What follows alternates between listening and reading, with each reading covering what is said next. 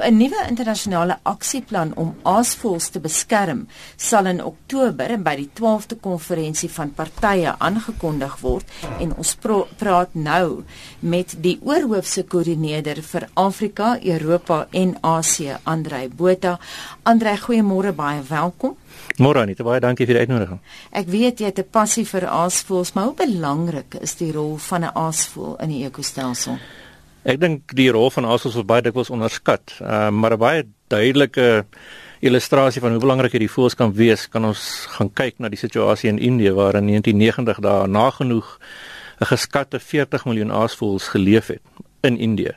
En as gevolg van een faktor en 'n enkele veterinêre medisyne met die naam van daai kloofenek wat baie van ons gebruik en ek dink dat baie van jou luisteraars ook gebruik op 'n dag-tot-dag basis as 'n anti-inflammatoriese middel mm. wat op die uh, wat gebruik is op die veestapel daar is daardie aasvoelbevolking in Indië verminder binne die bestek van 7 jaar na minder as 20000 voëls toe.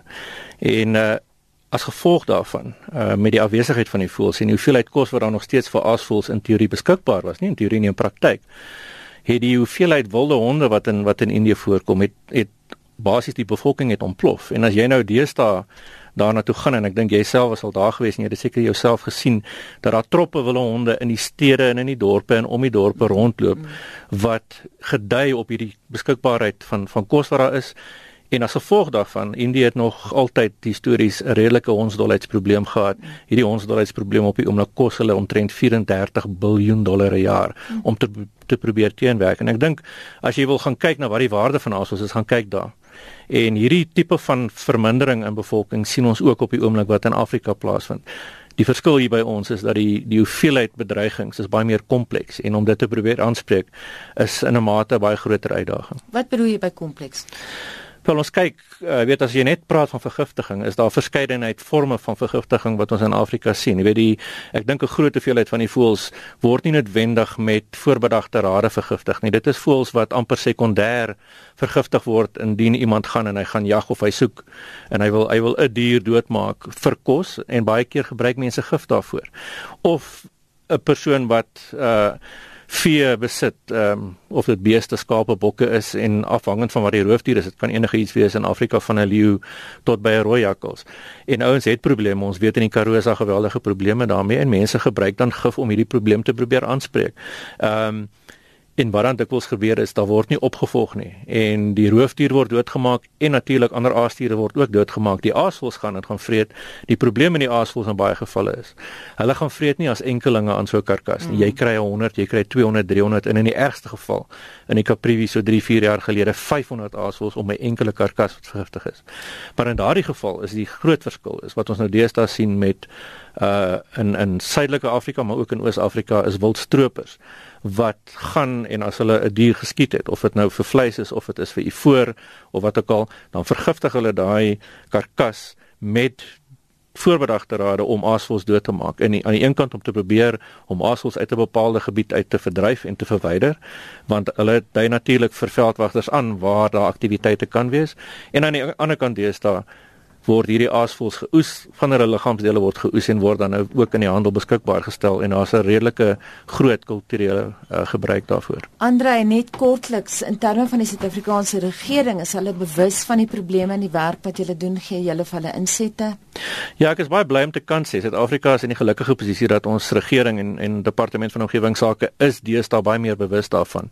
En ons het het baie direkte interaksie met hulle en hulle was self deel van die werkswinkels in Afrika en het insette gelewer uh in terme van wat die regering kan doen om hierdie probleem te probeer aanspreek. En ek dink dis die hoofdoel van hierdie inisiatief wat nou ter tafel gaan lê geword in Oktober is om regerings binne al hierdie lande wat wat verbind is en waar aasvoëls in die ou wêreld voorkom in Afrika, Europa en Asië te verbind om hierdie voëls te probeer bewaar. Want as ons dit nie doen nie, gaan almal van ons die nagevolge daarvan dra. Jy praat nou van dat mense nie met gif gooi nie, maar ons het baie boere wat luister. Watter praktiese raad het jy vir hulle? Wat moet hulle doen? Ek dink daar's 'n daar is 'n verskeidenheid metodes wat 'n mens kan gebruik daarvoor en weet mense het mense daar nodig daarvoor en ek dink daar's baie debat daaroor.